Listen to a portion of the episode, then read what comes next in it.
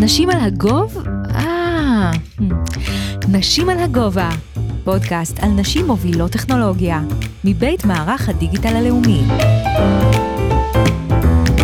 היי, hey, אני יעל בראל, והאורחת שלי להיום היא אלופת משנה במילואים, טליה גזית. אחרי שירות צבאי של 28 שנים, ששיאו המינוי כמפקדת ממר"ם, טליה משמשת היום כמנכ"לית בחברת PwC Digital Technology Services.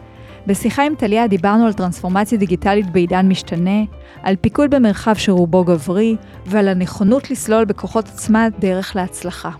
אני מזמינה אתכן להצטרף אלינו לשיחה אישית ומרגשת על פריצת תקרות זכוכית ועל המנהיגות הנדרשת בעידן הנוכחי. נשים על הגובה תכף מתחילות.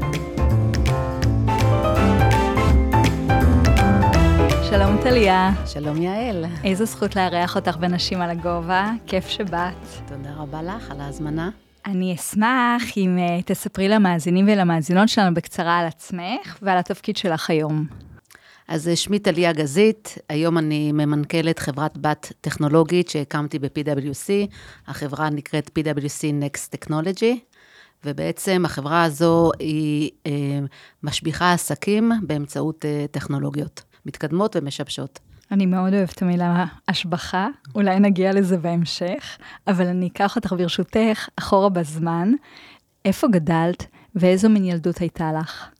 אז אני גדלתי בהרצליה, במרכז הארץ, אה, אבל אה, בשכונה של יוצאי מעברה. אה, ההורים שלי עבדו, בעצם היו, היינו משפחה קשת יום, שישה אחים. והייתה לי ילדות אה, מצד אחד אה, מקסימה ומצד שני מאתגרת. אה, בעצם להיות במצב, בסיטואציה שאנחנו תמיד צריכים לעבוד קשה כדי לדאוג לצרכים הבסיסיים בבית. ועד כמה המשפחה והסביבה שלך כילדה וכנערה טיפחה אותך ודחפה אותך אל המסלול בו את נמצאת היום? האמת היא שהדבר המדהים זה שהאבא שלי, באופן ספונטני ומתוך הקושי שלו עצמו, היה נוהג להגיד לנו ש, שנלך ללמוד כדי שלא נהיה בסיטואציה שבה ההורים שלי אה, נמצאים. אה, אבל הדבר המשמעותי אולי של מה שדחף אותי להגיע לאן שהגעתי היום, זאת בעצם המציאות שמגיל קטן אני מבינה שכדי להצליח צריך לעבוד קשה ולהשקיע ולהתמיד, כי ב- בילדות שלי זה היה ממקום של הישרדות, היום, היום אני לוקחת את זה ממקום של uh, הגשמה של חלומות ודברים שאני, uh, עם אותם כלים שהיו לי בילדות, היום אני לוקחת אותם כדי להגשים את עצמי, להגשים חלומות וגם כדי לתרום במדינת ישראל. אני ככה זוכרת משיחה מקדימה בינינו, שבעצם, כמו שאת אמרת כרגע, שהבנת שהדרך לנפץ את תקרות הזכוכית של המצב הסוציו-אקונומי, mm-hmm. זה בעצם החינוך. ואת ככה סיפרת לי שאת בחרת במשולש הקדוש של אה, לימודי מחשבים, פיזיקה ומתמטיקה בתיכון. נכון. וזה גם מה שמסלל את המסלול שלך אחר כך לממר"ם. נכון. אה, אני באופן אה, שהיום קשה לי להסביר אותו, אבל בשנת 86 תחשבי, גם כבת, כ- כנערה, אני בוחרת ללמוד מתמטית פיזיקלית מחשבים, מתוך איזושהי הבנה, שעוד אה, אה, פעם, כנראה בעקבות האמירות של אבא שלי, שהלימודים זה יהיה נתיב שממנו אני יכולה לצאת אה, מהמקום הזה של, ה, אה, של ההישרדות ושל המצב הסוציו-אקונומי, ואני מגיעה למגמה הזו. ובמגמה הזאת התבלטתי בתחום המתמטיקה. והיה לי מורה, אה, מחנך, שכל הזמן אה, אמר לי, או, oh, את צריכה להגיע לממר"ם, ולקחתי גם את האמירה הזו, כנראה שהייתי כבר מגיל צעיר קשובה לאמירות אה, חכמות, וכשהגעתי לצבא והגעתי לטירונות, ביקשתי להגיע לממר"ם, ובאמת זכיתי לעבור את המיונים ולהשתלב ביחידה הזו. את בוחרת להישאר בצה"ל 28 שנים. באיזה שלב של השירות הגעת למסקנה שזה המקום שלך? האמת שדי מהר. אה, הגעתי לממר"ם, ומבחינתי להגיע לממר"ם זה להגיע לעולם הגדול. אה, ממר"ם זאת היחידה שלמעשה פיתחה את כל העולם הטכנולוגי בצה"ל אה, וגם בהייטק הישראלי. ואני הגעתי אחרי הטירונות, אחרי הקורס שהכשיר אותי למקצוע הטכנולוגי, הגעתי ל data center ים נדירים מסוגם בשעתו, היום זה כבר, אנחנו במדינת ישראל עם הרבה יותר data center ים, אז היה מבחינתי חוויה לא רגילה לפגוש אולמות מחשב כאלה גדולים, עם, עם מערכות גם פיזית, הם היו מאוד, המחשבים היו מאוד מאוד גדולים, ומבחינתי, איך, ש, איך שסיירתי באולמות המחשב, אני אמרתי לעצמי, שוואו, הגעתי לעולם הגדול. והתחושה הזאת הייתה תחושה שהנה, אני יכולה אה, אה, כאן אה, למצות את עצמי. והחוויה הכי משמעותית שבעצם הייתה אה, הנתיב לפרוץ את הדרך גם בהמשך, זה היה במלחמת המפרץ. אה, אה, ממר"ם פיתחה מערכת לחלוקה של ערכות מגן, ופיתחה אותה שבועיים לפני הלחימה, ושאלו מה נעשה, איך נטמיע את המערכת הזאת בפיקודים ובמחוזות, כדי שידעו להשתמש בה, והחליטו לקחת את החיילים הצעירים ביחידה, ובאופן מאוד מיוחד החליטו שאני אהיה. שלחו אותי לפיקוד מרכז, לחמ"ל של אלוף הפיקוד, ובמשך חודש ימים אני מתקינה שם מערכות, מתקינה רשתות, ועובדת ליד האלוף, ואין לי מושג שאני ליד אלוף פיקוד, הייתי ממש אה, אה, חיילת אה, צעירה. ובחודש הימים הזה תרמתי בצורה כל כך משמעותית, שאלוף הפיקוד אה, התקשר למפקד ממר"ם, ואמר לו, אני לא יודע מי זו החיילת הזו, אבל uh, זו חיילת שכדאי uh, לשמור אותה למסלול ארוך, ובאמת קיבלתי תעודת הוקרה שכל כך כל כך ריגשה אותי. כשירדתי מהלשכה של מפקד ממר"ם, כשאני רב"טית, הבטחתי לעצמי שאני אהיה מפקדת ממר"ם. ומפה מתחיל המסע או המסלול ש, אה, של הגשמה ולה, ולהשיג את המטרה שכל כך כל כך אה, רציתי כחיילת צעירה, זה ולהיות מפקדת ממר"ם. את תוכלי לשתף אה, על עוד כמה רגעי שיא בקריירה הצבאית שלך? בקריירה הצבאית שלי היו הרבה רגעי שיא, שחלקם אישיים, ושהצלחתי להתגבר על דברים שלי עצמי. וחלקם אה, תרומה גדולה ומשמעותית שתרמתי למדינת ישראל. ואני יכולה להגיד על משהו אחד שאפשר אה, לספר אותו, אה, זה ב-2018, כל עולם מערך ההתראה במדינת ישראל, קרי, כשמיירטים טילים למדינת ישראל, ואחר כך אה, כל מנגנון ההתראה, הצופרים, האפליקציות, הכתוביות הכתומות בטלוויזיה, אה, זה לא היה קיים ב-2018, או מה שהיה קיים, יותר נכון להגיד, תהליך ידני מזיהוי הטילים ועד לנקודה שבה מפעילים את ההתראות במדינת ישראל. ואת התוכנית הזו, שבעצם לייצר את האקוסיסטם של מערך ההתראה, מרגע השיגור ועד כל מנגנוני ההפצה, אני הובלתי קיבלתי את התוכנית הראשונה אה, של העולם התוכן הזה, ובפעם הראשונה שהופעלה צפירה באופן אוטומטי זה היה רגע מאוד מאוד מרגש אה, אה, בקריירה הצבאית שלי, ועד היום אני חייבת להגיד שיש לנו את מבצעים או מלחמות עם, עם עזה או מהצפון ומיירטים טילים, וכל המנגנון הזה שעובד בצורה מדהימה של ההתראות המדויקות וה, וההגנה על חיי אדם, וכיפת ברזל שמופעלת בעקיפין דרך אותה מערכת, פחות או יותר, זה תמיד מרגש אותי ואני נפעמת בעיקר מהחיילים המדהימים שהיו לי באותה תקופה, שביחד הצלחנו להביא כזה הישג משמעותי אה, למדינת ישראל. אז זה עוד דוגמה אחת מיני רבים אה, של השפעה בתוך הקריירה שלי. אז המאזינים אה, לא רואים אותנו, mm-hmm. וככה לא רואים את החיוך הגדול שלי ואת השערות שסומרות. אני אקח אותך לתפקיד שלך כמפקד ממר"ם.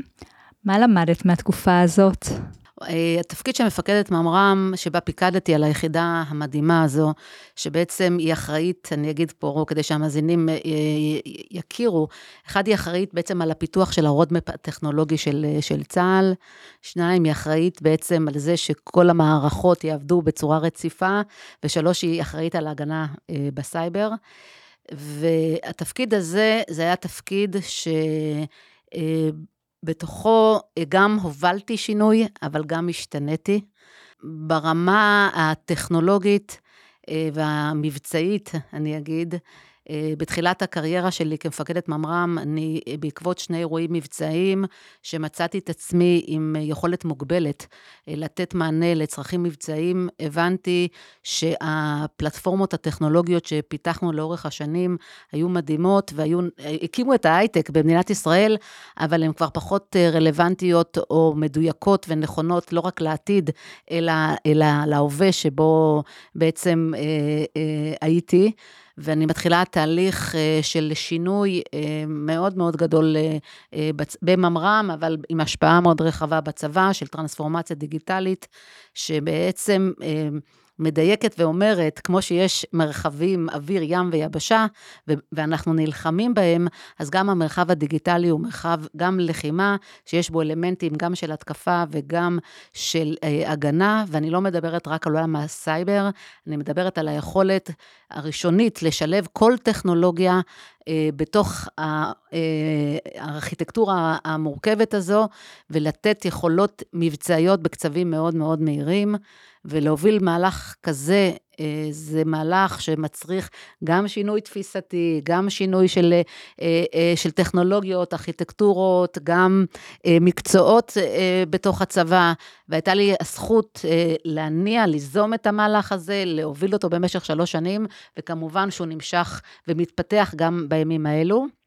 ברמה האישית, אני אגיד, ופה אפשר להרחיב, הרבה מאוד דברים ברמה האישית השתנו אה, בתוכי, או יותר נכון להגיד שהגעתי לממר"ם עם הבשלות הכי גדולה כדי להשתנות. והמשפט הזה הוא משפט מאוד מאוד משמעותי, כי בעצם אנחנו נמצאים בעולם עם דינמיקות אה, ש, של השתנות בקצבים מאוד מהירים, עם טכנולוגיות שמשבשות, ומאוד אה, בעייתי להמשיך לנהל את הארגונים שאנחנו נמצאים בהם בשיטות אה, שלמדנו וגדלנו, ואני בתוך התפקיד הזה בעצם אה, גם מנהלת שינוי, אבל גם משתנה בתוכו. ו... עוברת שינוי בעצמי. ועוברת שינוי ממש בעצמי. אני מניחה שנתקלת בלא מעט קשיים מעצם העובדה שאת אה, במרחב גברי ברוב השירות הצבאי שלך, ואולי גם אה, בחברות ושאת יועצת ונועצת להם היום. מה את עושה כדי להצליח? אז אה, קודם כל, כן, היו לי קשיים אה, במעבר לאלוף משנה היו לי קשיים, חצי שנה לא, לא פשוטה, שבה הבנתי שהסגנון אה, ניהול ש, שבעצם ביטא את מי שאני לאורך השנים, הוא פחות מותאם כדי להתמודד עם האתגרים החדשים, שהאתגרים החדשים מבחינתי היה גם להתמודד בדרג הבכיר בצבא, שהייתי האישה היחידה במערך הטכנולוגי במשך שלוש שנים שבה, של הקדנציה שלי, ושניים, להוביל שינוי מהסדר גודל שאני הובלתי בממר"ם, עם ההשפעה אה, בתוך צה"ל, אה, אה, אה, הייתי, נדרשתי לסגל פרקטיקות וסגנונות אחרים, ואני יכולה אה, קצת להרחיב אותם. אני אשמח, ואני אקרא לילד בשמו, אולי ניהול נשי. את מתחברת לטרמינולוגיה הזאת? אני מתחברת לניהול, אני אגיד ש, שיש בו בהחלט אלמנטים אה, נשיים, ואני אגיד שאם עד לנקודה הזו, בהרבה מובנים חשבתי שזו חולשה, בנקודה הזו, אלמנטים שמשייכים אותם לנשים, פתאום ראיתי את עוצמתם. ואני אסביר, למשל, לאורך השנים רציתי, השקעתי המון אנרגיה בלשכנע, ופתאום בקדנציה הזו רציתי להשפיע. ויש הבדל בין לשכנע לבין להשפיע, כי לשכנע אתה הרבה פעמים מפעיל כוח, ואתה קובע קביעות, ובלהשפיע אתה צריך לגרום לאנשים ללכת אחריך ולהאמין במה שאתה אומר וב vision שאני הצבתי באותה תקופה. ובתוך בעצם הדינמיקה הארגונית המורכבת, התחלתי לייצר קשרים שהם קשרים של ווין ווין מול העמיתים שלי. שבמסגרתם, מה שלא נהגתי לעשות קודם. קודם רציתי תמיד uh, להצליח ולהשיג את מה שרציתי, וכאן הבנתי שאם אני רוצה לעשות משהו שהוא גדול, אז אז הדינמיקה צריכה להשתנות, ועם העמיתים שלי, הפעולה שלי צריכה להיות פעולה של מה אתה צריך, ואני אגיד רגע מה אני צריכה, ובואו נעשה את זה ביחד, בשיתוף פעולה, ושנינו נשיג את, ה, את הצרכים של כל אחד מאיתנו, גם ברמה האישית, אבל אני מדברת ברמה של המסגרות הארגוניות אה, שאנחנו אה, רוצים לנהל. זה דבר אחד. דבר שני שהבנתי, שהיכולת שלי להשפיע לא קורית בתוך פגישות, אלא זאת עבודת רקע שאני צריכה לעשות הרבה לפני שאני מגיעה לפגישה. ובפגישה זה בסדר, גם אם מישהו אחר בסופו של דבר יציג את הרעיון שגם אני חשבתי עליו, וזה בסדר לא לקבל על זה את הקרדיט, ולו רק כדי שהרעיון יתקבל ויוטמע בתוך המסגרת שבה אני נמצאת. אה, אז זה דוגמאות רגע לסגנונות שהם היו עוצמה. יעל, אני אומרת לך, זה, זה הרבה פעמים גם אפילו הפתיע אותי, שדווקא איך בדרך שאני לא מיליטנטית, אני מצליחה להשיג הרבה יותר. ואל מול, הפקודים שלי ואל מול היחידה, אחד הדברים הכי משמעותיים שחוויתי זה שבמשך עשרה חודשים ניסיתי לחולל שינוי ופשוט נכשלתי. והסיבה שנכשלתי זה שכולם, כשנכנסתי לתפקיד, כולם אמרו לי חייבים להשתנות, וכשבאתי לשנות, כולם אמרו לי נכון, צריך להשתנות, אבל לא, אבל לא אצלנו, אני בסדר, הבעיה היא שם. וכדי לעורר אה, בעצם אנשים אה, לזוז מהמקום הנוח שלהם ולהוביל יחד איתי את השינוי המשמעותי, אני התחלתי להתחשב יותר ויותר, בעצם לזהות את החוזקות של, ה, של האנשים, בעצם הקצינים והחיילים שעבדו איתי, ולחבר בין הכישורים שלהם והחוזקות שלהם לתפקידים שרציתי שהם ימלאו, גם אם הם לא היו בתבניות המקובלות בתוך הארגון. זאת אומרת, אה, אם הייתי שואלת על פי הקריטריונים בעבר, האם הבן אדם הזה מתאים להוביל את החדשנות בתחום הענן, אז היו אומרים לי לא, כי אין לו, כי אין לו את הכישורים האלה והאלה.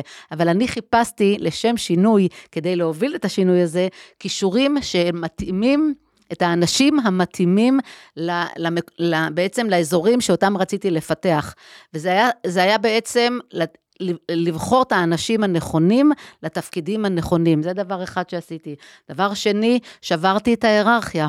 זאת אומרת, דווקא בתוך המסגרת הצבאית, שמקדשת מאוד את ההיררכיה, וזה דרך אגב לא רק במסגרת הצבאית, אני רואה את זה בשוק, ב- ב- בארגונים שהם ארגונים עסקיים, אני רואה את זה גם בחברות טכנולוגיות, שככל שהחברה גדלה, אז בעצם ההיררכיה הזאת היא נוצרת, והבירוקרטיה הזאת היא נוצרת, ואני אה, במסגרת אה, אה, של התפקיד הזה, אחד הדברים ש, שעשיתי אז, והיום אני גם מייעצת לחברות, זה בעצם אה, אה, לבנות מבנים ארגוניים שטוחים, שהם מייצרים הטרוגניות של כישרונות וכישורים, וביחד, בצורה הוליסטית, הם יודעים להוביל לערך עסקי, לערך מבצעי.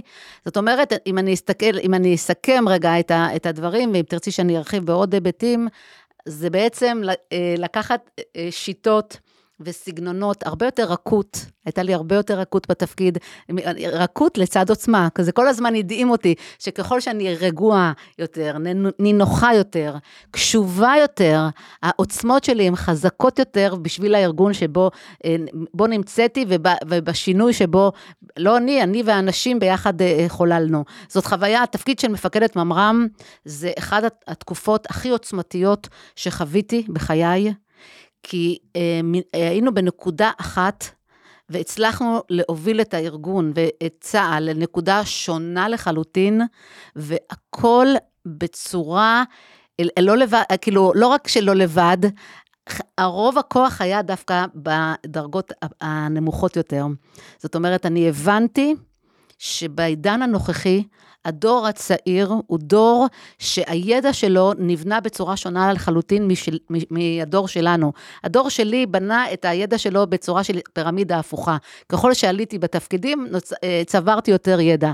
והיום הדור הזה הוא מלכתחילה צובר ידע, הוא, הוא נגיש לכל דבר, וההבנה הזו, שלמרות שאני בראש הפירמידה, אבל הידע נמצא דווקא אצל הפקודים שלי, והעוצמה שלי היא להקשיב ולקבל את ההחלטות אחרי שניתחתי אותם, אז ההבנה הזאת של לבוא ולהגיד, אוקיי, יש פה אנשים שבארגון, הרבה אנשים בארגון, שהידע שלהם הוא כבר הרבה יותר עשיר ורחב משלי, ואני בעצם מעצימה אותם ומשתמשת עם החוזקות שלי, של לקבל את ההחלטות, לדעת, אה, לנתח את, ה, את הידע ואת התובנות ולהוביל להישגים אה, אה, בתוך הארגון, ואני אגיד לך גם את זה, היום אני, החברה החדשה שהקמתי ב-PwC, זו אותה שיטה אני עובדת, והיא שיטה מדהימה, שמאפשרת לנו להביא תוצרים לחברות במקומות שמאוד מאוד התקשו.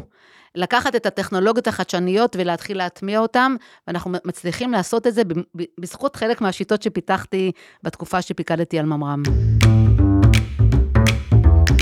במסגרת התפקיד שלך בממר"ם, היה לך אה, שיתוף פעולה עם משרד החינוך. את יכולה לפרט ולהסביר למה זה היה כל כך חשוב לך? עד לתפקיד של מפקדת ממר"ם, אה, אני לא הבנתי את כל הסוגיה המגדרית. אה, חשבתי שנשים שרוצות להתקדם, הן פשוט צריכות לרצות ולהתמיד ולהתאמץ, וזה פשוט יקרה. ממש ממש לא, לא התחברתי, לא הבנתי.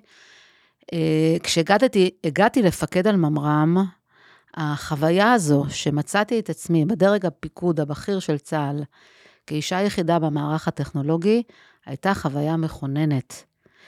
כי פתאום לא הבנתי איך הדבר הזה יכול לקרות, ואיך זה קרה. שדווקא בתפקיד מקצועות שאין הבדל בין נשים לגברים, מסתכלים על השכבות היותר בכירות, ואין נשים. או יש אה, פחות אה, נשים. אה, כשבזמן שבשלב הגיוס, בכניסה לקורס תכנות וכו', האחוזים הם הרבה יותר גבוהים, ולאט לאט זה צונח, אבל במדרגות מאוד גדולות. ואני מתחילה לפעול בשני מישורים, אחד בתוך הצבא, והמישור השני, זה בדיוק מה שדיברת עליו, זה בעצם במשרד החינוך. אנחנו מקימות אה, תוכנית שמטרתה לגשת לבנות בכיתה ט' ולעודד אותן לבחור במגמות אה, טכנולוגיות ומדעים, מהטעם שאם הם יבחרו בתיכון במגמה כזו, אז הסבירות שהם ימשיכו ככה בצבא ואחר כך באוניברסיטה, אז אה, רצינו להאמין, וזה גם היה ככה, שהנוכחות של נשים אה, תגדל. ובתוכנית הזו, מה שעשינו, בנינו תוכנית שהיא פונה לשלוש קהלי יעד. אחד זה לבנות עצמם, השני זה למורים, והשלישי זה להורים. ולכל אחד, המסרים שלנו, כל אחד מהקהלים האלה, היה לנו מסרים אחרים ושונים. ובעצם התוכנית הזו, במקומות שנכנסנו אליהם, עשתה שינוי מאוד מאוד משמעותי, באחוזים מאוד מאוד גדולים. יש בתי ספר שהאחוזים גדלו אפילו ב-30 אחוז, בעצם בבחירה של בנות את המסלולים הטכנולוגיים. ובתוך זה מצאנו וגילינו הרבה דברים שגם אנחנו כהורים, גם אנחנו, אנחנו כאימהות, אם הבן שלנו מתקשה בחמש יחידות, אנחנו באות ואומרות, אל, אל תוותר, אתה יכול, ואם הבת שלנו תבוא ותגיד אה, שהיא מתקשה, אז אנחנו נגיד לה, לא נורא, את יכולה לרדת לארבע יחידות, הכל טוב. זאת אומרת, מצאנו, בתוך, גם בתוך עצמנו, וגם בתוך הצוות, המורים, את הסטיגמות שאנחנו גדלים איתם וטבועים לנו כל כך הרבה שנים, שאפילו לא במודע, הם משפיעים גם על הדורות הבאים. והפרויקט הזה, המטרה שלו הייתה אה, להכניס, נקרא לזה ל pipeline, כן? יותר נשים, יותר בנות, כדי באמת לראות רגע בשלב מסוים יותר אה, אה, נשים בעולמות ההייטק וגם בדרגות בכירות mm-hmm. בצבא. לצד זה, אני ליוויתי בצורה, משמע, נגיד, אישית וגם מערכתית, נשים כדי שבאמת אה, יוכלו להשתלב בתפקידי הפיקוד הבכירים, אבל יותר מזה, עודדתי את השילוב של קריירה ומשפחה, ובעיקר לגברים, כדי שלא לייצר את ההוויה שאני הייתי בה, אני, אה, ברוב הקריירה שלי, אני אפילו היום מצרה על זה במובנים מסוימים, נתתי, הזמן שלי חולק יותר לקריירה מאשר אה, למשפחה, ואני חושבת שזאת שגיאה גדולה מאוד, כי כשהנשים והאבות לא נמצאים, האימהות והאבות לא נמצאים בבתים, אז יש לזה השפעה מאוד מרחיקת לכת, גם על, על הדורות הבאים, על החברה שלנו, על הנפש, על הנפש של הילדים שלנו. ומה שניסיתי לעשות, ובחלקו גם הצלחתי, כמפקדת ממר"ם, זה לעודד את השילוב של קריירה עם משפחה, ולתת מקום לשני העולמות האלו, מתוך ידיעה שקריירה והגשמה עצמית זה דבר סופר משמעותי, גם כהורה. וה, והדוגמה שאנחנו נותנים לילדים שלנו, אבל גם לארגונים וההשבחה של הארגונים, כשיש הטרוגניות כזו של גם של נשים וגם של גברים, ואת העידוד של להיות אה, גם בבית, גם למלא את תפקידנו כהורים, מתוך האחריות לדורות הבאים, אוקיי? וברגע שעודדתי את השילוב הזה ואפשרתי גם לגברים לצאת בארבע ולהוציא את הילדים מה, מהמסגרות, או בבוקר לקחת אותם למסגרות, אז גם לנשים היה לגיטימציה לעשות את זה מבלי שהם הרגישו שהן גנבות, או שהן בורחות, או שהן זה, אני, את מחייכת כי כולנו חווינו את זה, היינו, כשהיינו יוצאות מוקדם, אז היינו מרגישות שעשינו משהו לא טוב, רגע, אנחנו... אז פותחות המחשב בתשע בלילה וממשיכות עד אור הבוקר. בדיוק. הנה, אנחנו מבינות אחת את השנייה, אני בטוחה שגם שאר המאזינות אה, מבינות את הקונפליקטים המורכבים ש, שאנחנו כנשים מצויות בהם. אז מפה לשם, אני לוקחת אותך ליום שאחרי השחרור, mm-hmm. עשית טיול כמו כל חיילת משוחררת, או שהלכת ישר לתפקיד הבא? לא, לא, עשיתי טיול אה, יחד עם הבת שלי. אה, אנחנו, שאלתי אותה בצחוק אם היא רוצה לעשות איתי טיול אחרי צבא, והיא הסכימה. ובמשך שלושה חודשים טיילנו בפרו, קוסטה ריקה וקולומביה. אה, טיול מדהים, גם בחוויה שלי איתה, אה, וגם, אני אגיד, בהשפעה שלי על הבחירות שלי בהמשך הדרך. למה זאת? כי שלושה חודשים הייתי מחוברת לעצמי, לטבע, התנתקתי, התנתקתי מהעולם, אפשר להגיד את זה ככה, וזיקקתי את הבחירות שלי, את הרצונות שלי, את התשוקות שלי. זאת אומרת, אם עד לנקודה הזו, אה, הרבה, חלק גדול מהשנים שלי, אני בעצם הגעתי להישגים מדהימים, אבל ההנבטה שלהם הייתה ממקום של הישרדות. אני החלטתי שאת הקריירה השנייה שלי, אני מנביטה ממקום של בחירה.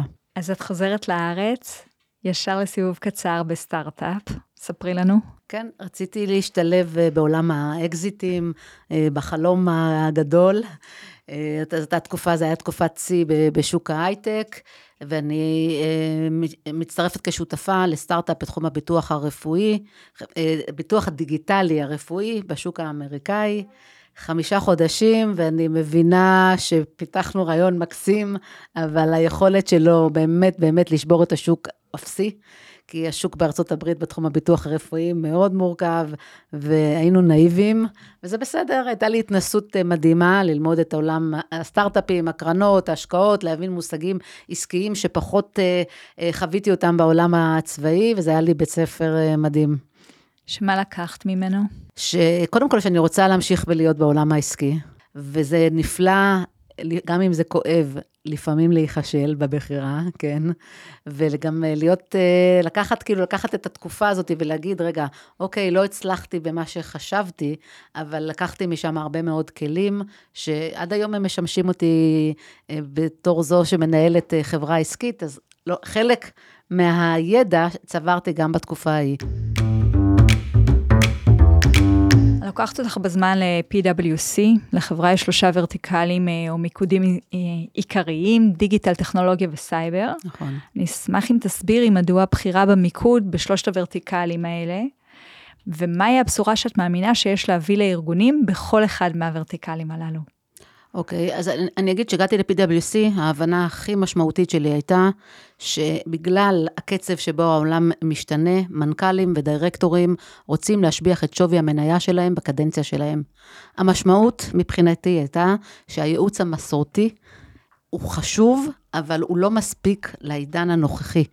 ולכן אנחנו מחליטים ב-PwC להקים חברת בת שהיא טכנולוגית, שהיא יודעת לעסוק גם בעולמות הייעוץ וגם בעולמות האימפלמנטציה, באופן כזה שאני נכנסת לארגון ואני יודעת להביא לו ערך עסקי בקצבים מאוד מאוד מהירים, מרעיון למימוש. עכשיו, אה, אה, הוורטיקלים שבחרנו להיכנס בהם, אליהם, זה באמת, כמו שאמרת, הדיגיטל, הטכנולוגיה וה, והסייבר. מצד אחד, אני רוצה, השאיפה שלנו זה לגרום לחברות לצמוח בכלכלה הדיגיטלית, בקצבים מהירים, ולא משנה איזה חברה. פותחת סוגריים שנייה. כן. ואני רוצה שנייה הסבר למה זה כלכלה דיגיטלית. אז כשאני אומרת אה, כלכלה דיגיטלית, אז, אני, אז בעצם אני מסתכלת על התקופה הנוכחית, שגם אנחנו כצרכנים צורכים כלכלה. בצורה שונה, וגם הקונספטים והאופן של ההנגשה של השירותים מכיוון החברות הוא, אה, אה, הוא שונה והוא מותאם לעידן הנוכחי, כן? זה הסמארטפון, זה הדיגיטל, זה הג'נרטיב AI, זאת אומרת, אנחנו חיים, וכפועל יוצא, גם, גם התפיסות העסקיות והמודלים העסקיים הם שונים ולא זהים למה שהיה בעבר, ובעצם הקטליזטור המשמעותי זה הטכנולוגיה, הדיגיטל, ולכן אני קוראת לה, להרכב הזה, לאקוסיסטם הזה, כלכלה דיגיטלית, ויש חברות שמעצבות את הכלכלה הזו, ויש חברות שרוצות להיכנס לכלכלה הזאת. בדרך כלל המסורתיות, היותר ישנות וכו'. אז בעצם אנחנו עוזרים לשני סוגי החברות, גם אלה שמובילות את השוק להתקדם בקצבים יותר מהירים ולספק להם אה, שירותים, בין אם זה לעצב מוצרים חדשים, בין אם זה להיכנס לפלטפורמות אה, שהן בעצם קטליזטור. כמו פלטפורמות הענן, בין אם זה אה, להתייעל או אה, להגדיל את ההכנסות באמצעות פלטפורמות של AI, ועכשיו, לאחרונה נכנסנו גם לעולם של ה-Generative AI, זאת, זאת אומרת, בצד הזה אנחנו רוצים לגרום לחברות לצמוח ולהשביח חברות. ככל שהחברות נכנסות יותר ויותר לעולם הדיגיטלי, הן חייבות להגן על עצמן מבחינת, מבחינת uh, סייבר, גם פרטיות וגם security, ואז הצד השני של המטבע זה הצד הזה של עולמות הסייבר, שאנחנו אה, אה, פיתחנו קונספט מדהים ב-PwC, שיודע להסתכל על הארגון מצד אחד כאילו אנחנו תוקפים, ולהביא את הזווית ההתקפית ואת הזווית המודיעינית, ולהגיד לארגון, תקשיב, אה, אלה נתיבי, אם היינו תוקפים, אלו נתיבי התקיפה, ומצד שני אנחנו יודעים בעצם לתת את הפתרונות להגנה, וגם, להגנה וגם לעמוד בתקינה. אה, אה, לאותם ארגונים. אז זאת אומרת, זה שלושה ורטיקלים, דיגיטל, סייבר וטכנולוגיה, וזה בעצם שני מאמצים, מצד אחד זה להצמיח חברות, להכניס אותם לכלכלה הדיגיטלית, ומצד שני להגן עליהם ולהפוך אותם לארגוני trust באמצעות פתרונות הגנה בסייבר. אנחנו בכל זאת בפודקאסט נשים על הגובה, והמספרים על נשים בתפקידים טכנולוגיים בכלל ובעמדות מפתח בכירות בפרט אה, מדאיגים. אז איך לדעתך אפשר אה, לחזק את הנוכחות הנשית בעמדות אה, בחירות? קודם כל, זו שאלה מורכבת, כי עשינו בשנים האחרונות הרבה מאוד מאמצים בכל המגזרים, והתוצאות לפעמים, כאילו, התקדמנו, והתוצאות הן לא כמו שאנחנו רוצות, וגם יש מקומות שאנחנו קצת ברגרסיה. אני חושבת שהנקודה המשמעותית ביותר היא בגיל הילדות ובתי הספר, בשלב, בכיתות הראשונות של בתי הספר. אני חושבת ששם אנחנו צריכים להשקיע בלימודים שהם גם לימודי נפש, ולהשקיע בבנים ובבנות כאחד, בתחומים שלא נהגנו להשקיע בהם בכל השנים האחרונות. אנחנו נתנו מקום גדול למוח, ולא נתנו מקום לרגש ולנפש. במסגרות אחרות אני חושבת שההבדלים והטשטוש של השונות, ובעצם השונות תטושטש, כי כשאתה מבין את הנפש של עצמך ואת הרגשות של עצמך, הרבה יותר קל לך לקבל את האחר. אז קודם כל, אני חושבת שזאת נקודה ששם אנחנו צריכים להשקיע, לפחות לדורות הבאים. בעולמות, אבל אנחנו לא נחכה 20 ו-30 שנה, ואחד הדברים שאני חושבת שהכי עשויים לעזור, וזה לא, לא השלם, זה לא השלם, אבל זה שנשים ימשיכו לקדם נשים. ונשים ימשיכו לעצב עסקים בפיתוח של חיי משפחה ופיתוח של קריירה. וככל שארגונים יראו יותר נשים בעמדות מפתח, הם יבינו את הערך שאנחנו מביאות לעסקים. וחלק מזה זה התפקיד שלנו כנשים, להמשיך לדחוף ולקדם ולעודד ולשלב. אני עכשיו, חלק מהגיוסים, אני ממש מתאמצת שזה יהיה גיוסים של נשים. כדי לייצר בחברה שלי באמת הטרוגניות ו- ואיזונים בין גברים ונשים בתחום הטכנולוגי. זה לא פשוט, דרך אגב, אבל אם כל אחת מאיתנו תעשה את המאמץ הזה, וזה לא תפקיד רק שלנו, זה תפקיד גם של הגברים, אבל עוד פעם, כמו שאמרתי, זה אירוע מורכב, אבל uh, אני חושבת שלהמשיך ולדחוף uh, עד שנגיע ל- ל- לשינויים שהם יעצבו את פני החברה בישראל ובכלל. אנחנו ממש לקראת סיום, ואני ביקשתי ממך להביא תמונה אישית שלוכדת רגע בזמן שהשפיע עלייך.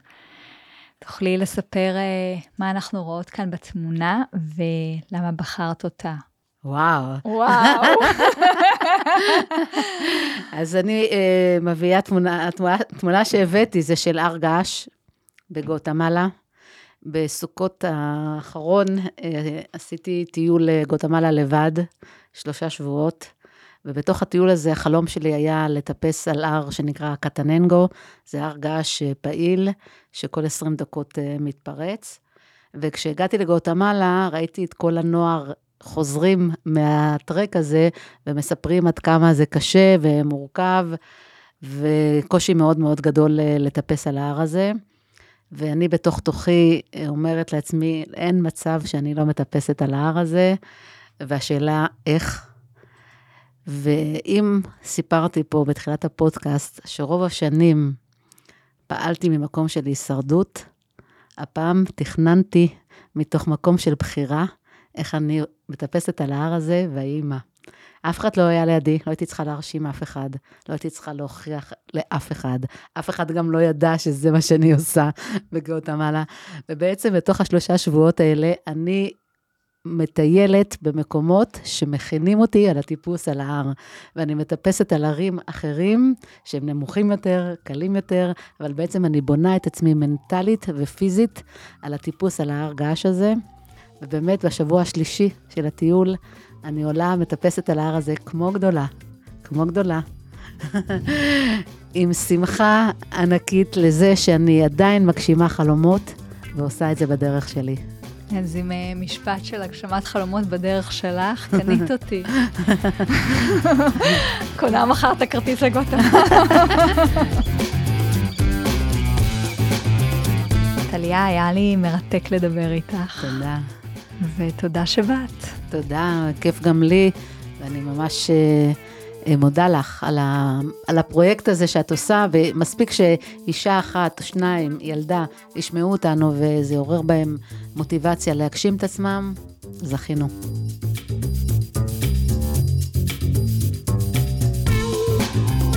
תודה רבה שהאזנתן והאזנתם לנשים על הגובה. מקווה שקיבלתן ערך, למדתן וגם נהנתן. תמשיכו לעקוב אחרינו בכל מקום שיש בו פודקאסטים ולשתף עם חברות ועמיתים. אני יעל בראל, מנהלת קהילות מערך הדיגיטל הלאומי. נשתמע בפרק הבא. נשים על הגובה, פודקאסט על נשים מובילות טכנולוגיה, מבית מערך הדיגיטל הלאומי.